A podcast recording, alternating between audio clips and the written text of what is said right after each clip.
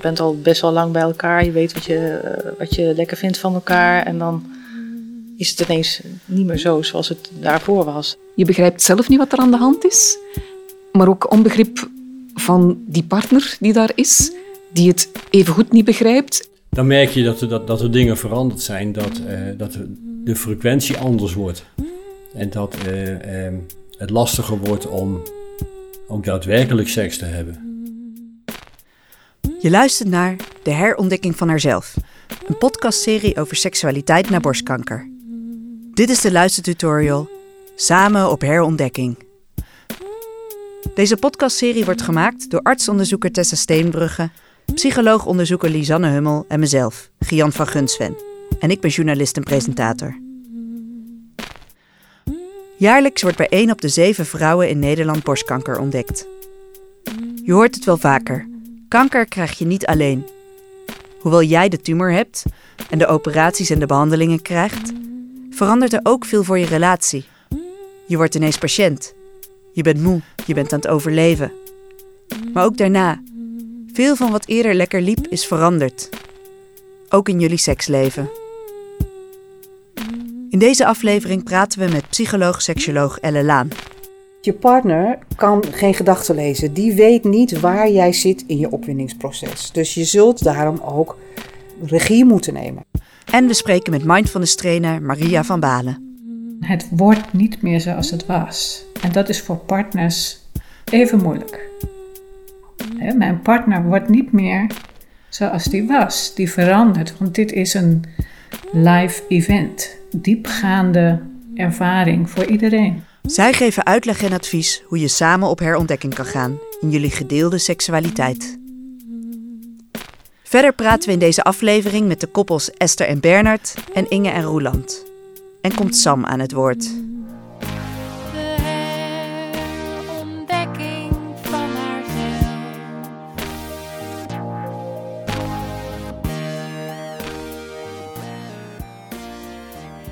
Esther en Bernard zijn al 14 jaar samen. Ze wonen op fietsafstand van elkaar, met hun eigen kinderen uit vorige relaties.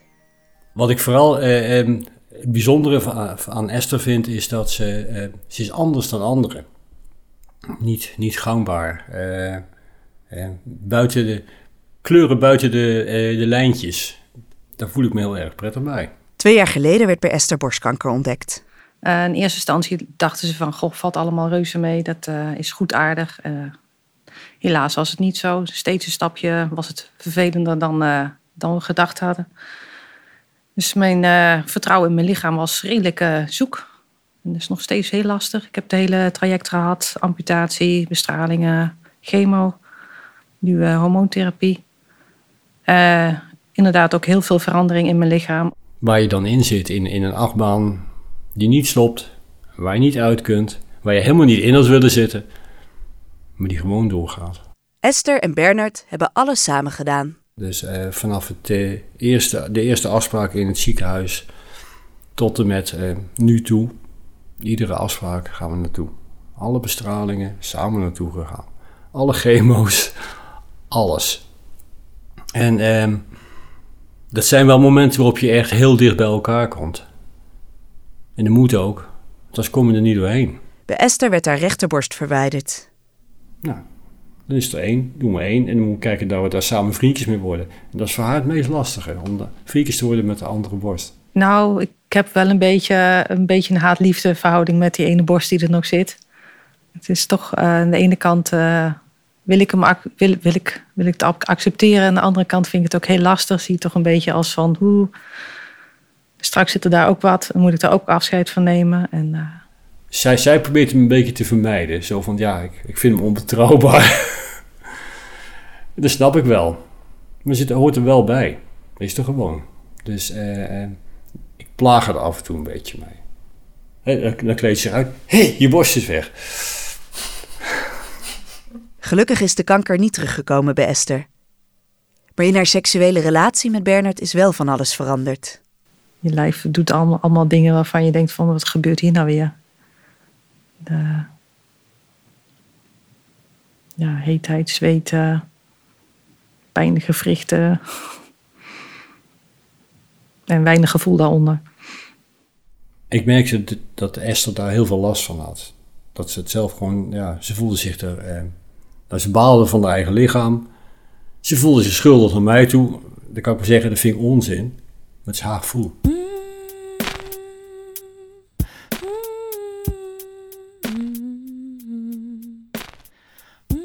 Psycholoog en seksoloog Elle Laan ziet vaak stellen in haar praktijk worstelen met het oppakken van hun seksleven samen. Er zijn problemen in de relatie, want de partner begrijpt het ook niet. Hoe komt het nou dat je geen seks meer wil? En het is belangrijk. Ehm, eh, en die vrouwen die gaan enorm twijfelen aan zichzelf, vaak wel door met gemeenschap, omdat ze toch vinden, ja, dat moet ik toch blijven kunnen. Want veel vrouwen vinden dat eh, echte vrouwen gemeenschap moeten kunnen bieden aan hun partner. Ehm, maar ja, als je echt hartstikke droog bent en je kan ook niet meer opgewonden worden door seksuele prikkels en die vochtigheid dus ook niet meer hebt, dan ontwikkel je op een gegeven moment echt pijn bij het vrijen. Hoe kun je dit als stijl dan aanpakken? Als je niet gewend bent om open te communiceren met je partner over seks, over wat je lekker vindt, dan is dit best een lastige opgave. Want hoe het ging, hoe het bijna stilzwijgend ging en hoe het in veel gevallen ook gewoon fijn en lekker was, dat gaat dan niet meer. Dus je zult echt met elkaar moeten gaan praten eh, over eh, ja, hoe gaan we het wel inrichten. En daar zitten heel veel schuldgevoelens van vrouwen vaak ook, eh, ook bij, die, die echt het gevoel hebben van, goh, ik ben ook al minder aantrekkelijk. Ik, ik, ik heb misschien nog maar één borst, of ik heb een borst die, waar, waar littekens aan zitten. Ehm, dus ik ben niet meer zo mooi. Ik ben voor mijn partner al eigenlijk als het ware minder eh, aantrekkelijk. Dat is een vrees die heel veel vrouwen hebben. Ik zou ook willen dat je daar met je partner over gaat praten. Maar dat is niet voor iedereen makkelijk. Als je weet dat je partner eh, toch wat, ehm, wat lastig vindt om open over seks te praten, help haar dan. Eh, door, door op haar te letten, door haar vragen te stellen: vind je dit lekker? Door niet de indruk te wekken dat het allemaal snel en haastig moet. Ehm, eh, kijken of je samen ja, nieuwe wegen kunt inslaan, nieuwe eh, gebieden van je lichaam kunt eh, ontdekken die meehelpen om, om die opwinning te bereiken. En communicatie is daarbij dus de sleutel.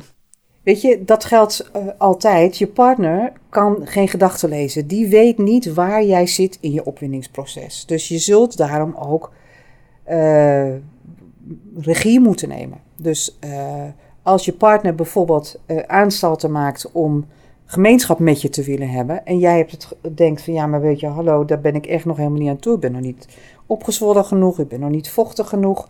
Ja, dan zul je, denk ik, dat toch, dat toch moeten zeggen.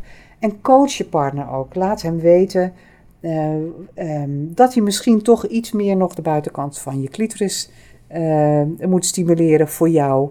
Om, eh, om zo opgewonden te raken dat je hem weer kunt ontvangen. Penetratie is eigenlijk in zekere zin ook een actief proces. Het is niet iets wat jouw partner bij jou doet. Nee, wil je er echt ook plezier van hebben, wil je opwinning ervan doen toenemen, dan moet je eigenlijk zelf ook hartstikke opgewonden zijn. En dan pas eh, kan gemeenschap eh, pijnloos en plezierig zijn. Weet je, van vrije krijg je zin. En dat geldt eigenlijk ook voor mannen. Het verschil tussen heel veel heteroseksuele mannen en heteroseksuele vrouwen is dat mannen dat opwinningsstukje eigenlijk al doen in hun hoofd voordat ze als het ware het initiatief nemen tot seks. Dus die hebben dan al een erectie. Voordat ze, dus wat veel vrouwen ook het gevoel van haast geeft. Van, oh jee, hij heeft al een erectie, ik moet nog beginnen. Nou, neem die tijd. Ehm, en ehm, eh, het feit dat je partner al een erectie heeft, wil niet zeggen dat jij moet opschieten. Want als je het gevoel hebt dat je moet opschieten, eh, nou, dat leidt alleen maar af van, van, het, van het erotische van de hele eh, situatie.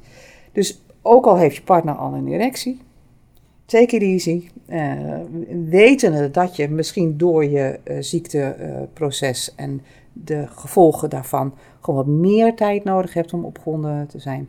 Wees zo assertief om die tijd ook op te eisen. En, eh, en eh, daarvoor moet je dus ook met je partner praten over, over seks. Elle raadt stellen ook aan om voor extra prikkels te zorgen. Dat kan je doen door bijvoorbeeld ehm, een glijmiddel te gebruiken bij het stimuleren van je, bijvoorbeeld de clitoris aan de buitenkant eh, en ook aan de binnenkant. Ehm, het is trouwens ook heel lekker om een penis te stimuleren met glijmiddel. Misschien betekent het dat ik eh, zelf ook veel actiever mezelf en mijn eigen clitoris moet stimuleren tijdens het vrijen met mijn partner.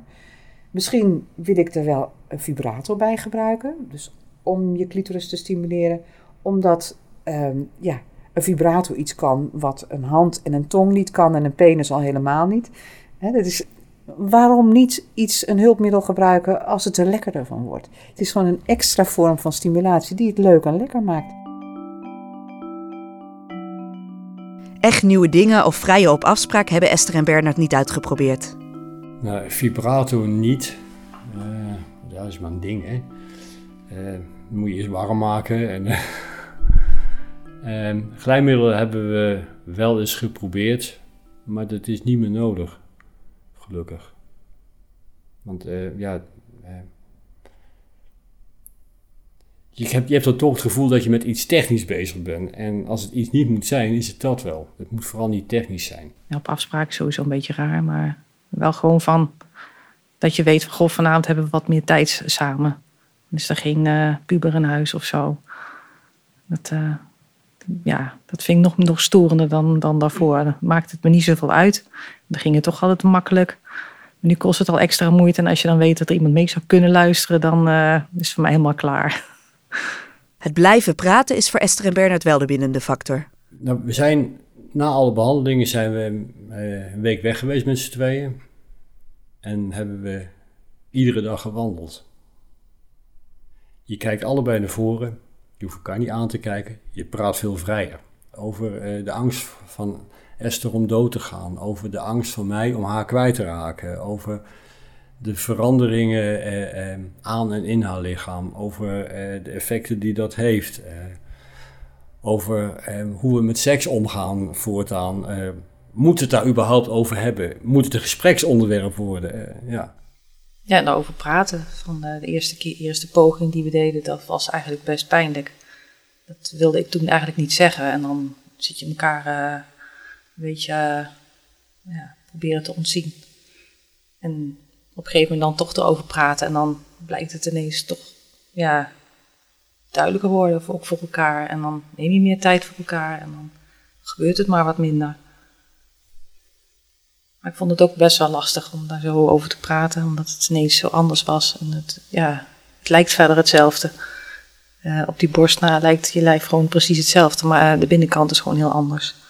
En dan moet je toch aanwijzingen van, goh, ja, het duurt toch echt wat langer nu. En ik heb meer tijd nodig, veel meer tijd nodig. En soms lukt het niet om, eh, ja, om, om zin te krijgen.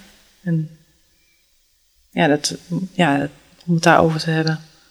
En ook, ik moest ook van hem horen van dat hij het ook niet erg vond als dat zo was. Want ik, ja, dan heb je toch, ik weet niet of dat iets van vrouw is, maar dat je toch het gevoel hebt dat je wil pleasen of zo. Naast samen meer tijd nemen, probeerde Esther ook nog iets anders. Nou, daar heb ik mezelf weer een beetje wakker mee gekregen met zelfbevrediging. Ik denk van, eh, gewoon maar even rustig met mezelf proberen en dan, oh ja, in de verte, voel weer wat. En eh, op die manier lukt het met z'n twee ook beter. Dat je eigen lijf weer leert kennen. Dus ja, ik vind- ja ik vind het toch mijn taak eh, om mijn eigen lijf te leren kennen. En eh, ja. En op die manier krijg je weer, eh, de boel weer een beetje wakker. Zelf zegt Bernard niet veel te missen. Hij wil vooral met Esther rekening houden. ja, als dingen niet helemaal meer werken zoals ze werkten, dan ga je, dan ga je samen kijken hoe, hoe je dan wel verder kunt. Maar het, met name het worstelen bij, bij haar, bij, eh, dat probeerde, daar, daar probeerde ik het hardst aan te werken om dat het minst grote punt te laten zijn. Dus vol- volgens mij help je elkaar daar het meeste mee.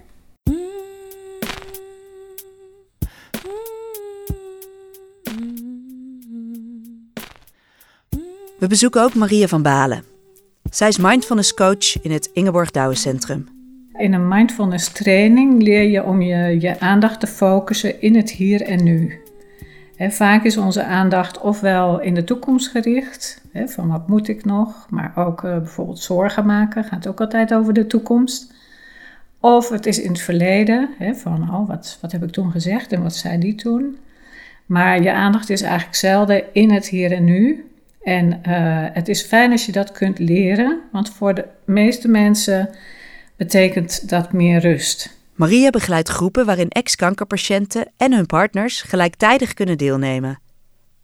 We spreken haar over de rol van de partner in het verwerkings- en herontdekkingsproces. Het is bekend dat partners die ervaren eh, soms evenveel en soms meer stress van het hele ziekteproces. En eh, ja, er is er eentje die het lichamelijk ondergaat. Maar soms, eh, zeg maar, doordat je behandeld wordt, je ermee bezig bent, eh, ja, heb je nog het gevoel van dat je er iets aan doet. En een partner, die staat met zijn handen op zijn rug, of zij staat met de handen op de rug. Dus dat is soms lastiger nog. Dus soms ehm, is de een ja, op een bepaald punt in de verwerking waar de ander nog niet is. En kan je elkaar niet bereiken. En ehm, ook dat is belangrijk dat je dat leert te accepteren, dat dat zo is. Dat je niet altijd elkaar kunt bereiken in dat verwerkingsproces. En dat je dan misschien even geduld moet hebben. Bij partners speelt natuurlijk vaak uh, mee dat ze zichzelf gaan wegcijferen. Dat ze denken, oh ja, maar die is ziek. Dus uh, ja, ik moet maar. Uh, ja, dat gaat natuurlijk ergens fout. Want dan ga je over je eigen grenzen heen. En, en soms is dat een soort dynamiek tussen partners dat ze allebei elkaar sparen. Dus dat gaat ongeveer zo van: Oh, ik ben nu heel verdrietig, maar ik zeg het maar niet, want hij heeft al zoveel opgevangen. En dan ga je dat niet meer zeggen. En hij denkt ondertussen van, oh, ik kan niet meer. Maar dat ga ik niet zeggen. Want ja, ik moet door. Ja, en dan verlies je op, op, ja, op den duur contact met elkaar. Zo ziet ze veel partners worstelen met een rol in het proces en in een relatie die onder druk van buitenaf is komen te staan. En voor een partner is het natuurlijk ook heel bedreigend hè, als de ander zo ziek is.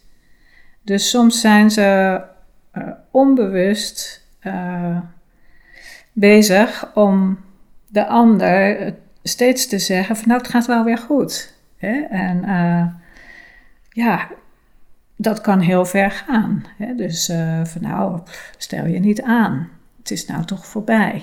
Je kunt nou toch wel weer aan het werk. En dan juist in de fase dat dat allemaal voorbij is, hè, dus de operaties achter de rug, misschien de chemo en de bestraling, dan ja, ga je naar huis, je hoeft niet meer naar het ziekenhuis.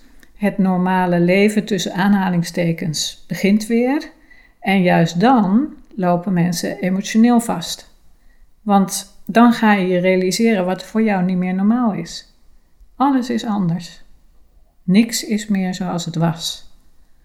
dat is ook ja, belangrijk om te zeggen van het wordt niet meer zoals het was. En dat is voor partners even moeilijk. mijn partner wordt niet meer zoals die was. Die verandert, want dit is een live event. Diepgaande ervaring voor iedereen. Proberen om de veranderde situatie te accepteren dus. En daar kan mindfulness bij helpen. Daarnaast blijft communicatie wederom het sleutelwoord. En soms moet je dus leren leven met een beperking. dus, en het kan een beperking zijn dat je minder snel opgewonden of dat je dingen nodig hebt, maar het begint met het zien van hoe is het. En dat kan je alleen zien als je er zonder oordeel naar kijkt. Want als je meteen een oordeel erop hebt van uh, stom, raar, idioot, gek, ja, dan doe je de deur dicht, kan er niks meer gebeuren. Dus kun je proberen zoveel mogelijk te blijven zeggen van nu speelt er dit bij mij, zonder de verwachting dat de ander dat van je weg gaat nemen, maar meer om er in, ja, in contact over te zijn met elkaar. En uh, als dat lukt op die manier, dat, dat hoor je natuurlijk ook vaak, kan het ook heel verdiepend zijn voor je relatie. Maar ja, dan heb je het samen even wel moeilijk gehad. En heb je ook geaccepteerd dat je het samen moeilijk hebt gehad met de hele situatie. Ja, ook hier geldt het als je jezelf onder druk gaat zetten van nou het moet nou weer goed zijn of hè, we moeten weer eh, helemaal verliefd zijn of whatever. Ja, dat werkt averechts. Hè, daar wordt het alleen maar ja, gespannener van. En En gespannenheid is ook niet helpend voor de beleving van seksualiteit. er is ook niet één ding voor iedereen. Hè? Dus de, de ene heeft het nodig om eh, misschien van, van tevoren in bad te gaan. Hè? En de ander heeft weer iets anders nodig. Misschien eh, eerst iets van een massage van een partner. Nou ja, dat hangt ook van je partner af of die dat graag doet of juist niet graag doet. Of... Hè, dus ja, zo is belangrijk dat iedereen zijn eigen manier daarin zoekt. Dat, ja, daar gaat het over. En dat is ook in de hele mindfulness training gaat het er niet over dat we zeggen van nou, dit is de goede manier. Eigenlijk eh, herhalen we heel vaak van er is geen goede of foute manier, er is alleen jouw manier. En als je die vindt, dan wordt het allemaal wat lichter in je leven. De bittere waarheid is dat lang niet elke relatie de gevolgen van borstkanker overleeft. We spreken met Sam. Je begrijpt zelf niet wat er aan de hand is, maar ook onbegrip van die partner die daar is, die het evengoed niet begrijpt en die door de tijd heen dan wel denkt van en nu is het, kan eigenlijk allemaal wel terug beginnen, want het is toch gepasseerd en dat je merkt dat, het, dat de chemie van je lichaam niet meer klopt en dat je er zelf ook geen uitleg voor hebt. Sam worstelde ermee dat haar partner hier weinig begrip voor kon opbrengen. Dus dat is een soort van toch wel weerstand en woede van ik begrijp het zelf niet, maar vraag mij niet om uitleg, want ik kan het jou niet geven. Dus het feit dat je ook ter verantwoording geroepen wordt uit, je, allez, uit, uit toch wel wat een intieme eh, relatie is, ik was daar heel, heel kwaad om. Ja. Ze hebben een manier proberen te vinden om hiermee om te gaan. Een van die afspraken was om, ehm, als zij zin had in vrij, en ze kon het ook niet begrijpen dat ik die zin niet meer voelde, eh, maar als zij dus zin had eh, in vrije, ehm, dan was de afspraak dat ze het voor zichzelf in orde maakte, zal ik maar zeggen. Zichzelf op een of andere manier dan toch probeerde te bevredigen. Zodanig dat we dan eh, nadien op een, op een, eh, een minder verlangende manier, kan ik dat zeggen, of een minder streverige manier naar dat orgasme, toch op een, op een, op een fijne manier zouden kunnen samen zijn en dat, dat, dat er een bepaalde verantwoordelijkheid van mijn schouders lag om te, allez, afgevallen was om te moeten presteren. Sam was tot veel bereid om samen te kunnen blijven. Daarom had ik ook aan mijn partner voorgesteld van zoek een seksmaatje om jouw honger te bevredigen. Ik heb dat ook op die manier ehm, verwoord. En ze is een beetje op eigen houtje op zoek gegaan en heel snel gevonden. En ehm, de dingen die ik dan hoorde, dat was voor mij een vrijen eerder dan ehm, ja, een behoeftebevrediging. En, en, en daar is het gewoon, daar is het tussen ons dan misgelopen. En moest ze ook daar loslaten. Je moet met twee aan hetzelfde touw trekken en als dat niet is, dan, dan lukt het niet. En dat is niet makkelijk, want je bent eigenlijk voor de zoveelste keer slachtoffer van iets waar je niet om gevraagd hebt.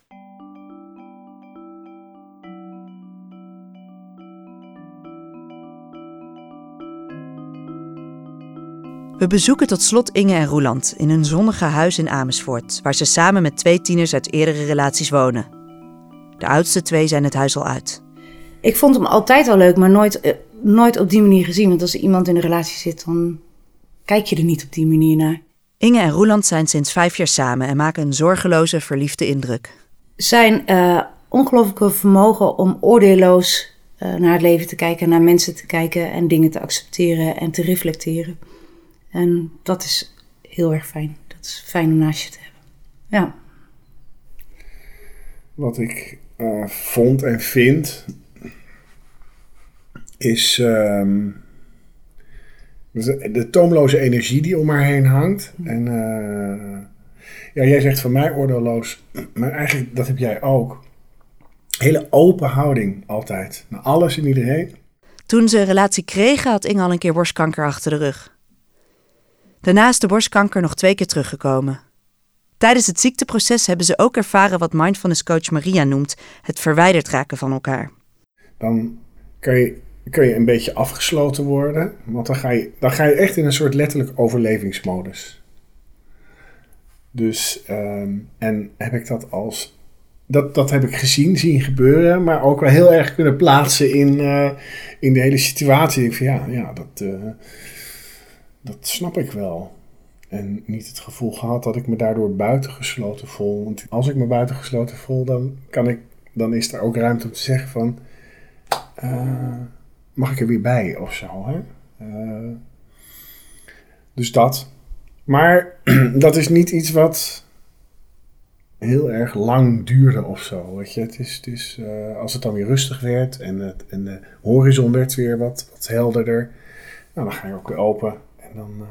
Het is nodig om een behandeling door te Ja. komen. Toen de borstkanker voor de tweede keer terugkwam bij Inge, werden haar borsten verwijderd. En dan komt er zo'n eerste keer dat je naast, naast je partner weer in bed glijdt. eh, zonder borst. En dat vond ik ineens heel spannend. Ik denk, oh jeetje.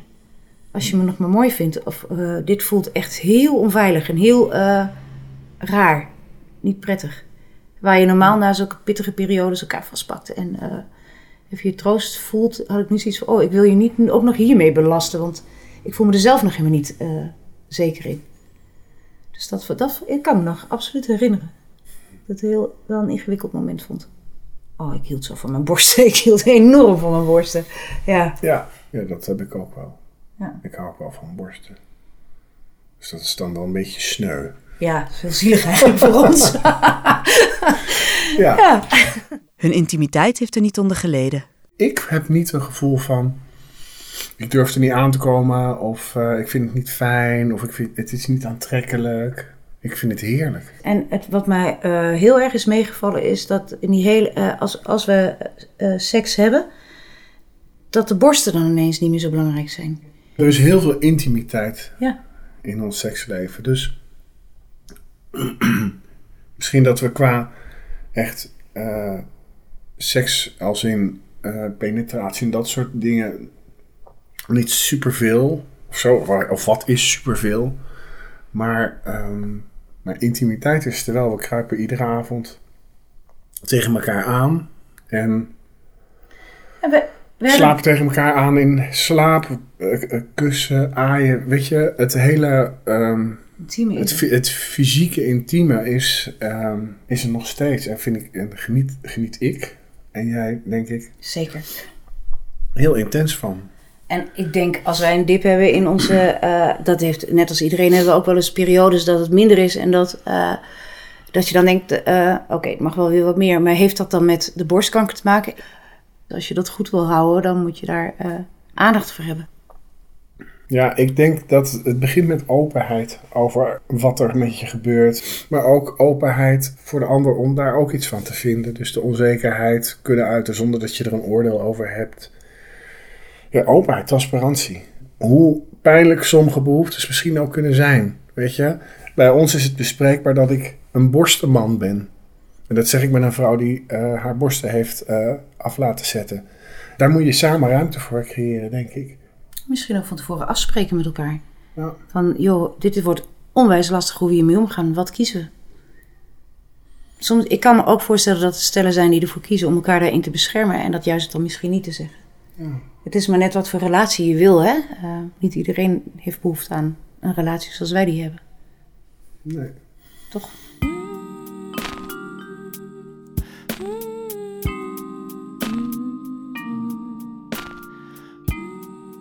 Ziekte maakt misschien ook je toekomst wat onzekerder. Dat kan, dat kan pijn geven, dat kan angst geven, dat kan verdriet geven. Dan denk ik, kan seks, dan heb je eigenlijk als het ware nog meer behoefte eh, eh, of meer recht op, misschien moet ik het zo wel zeggen, aan het troost en de warmte die ook fijne seks je kan geven. Dus ehm, accepteer dat er dingen gebeuren. Accepteer dat dingen veranderen. Maar probeer er vooral samen uit te komen. En praat erover met elkaar.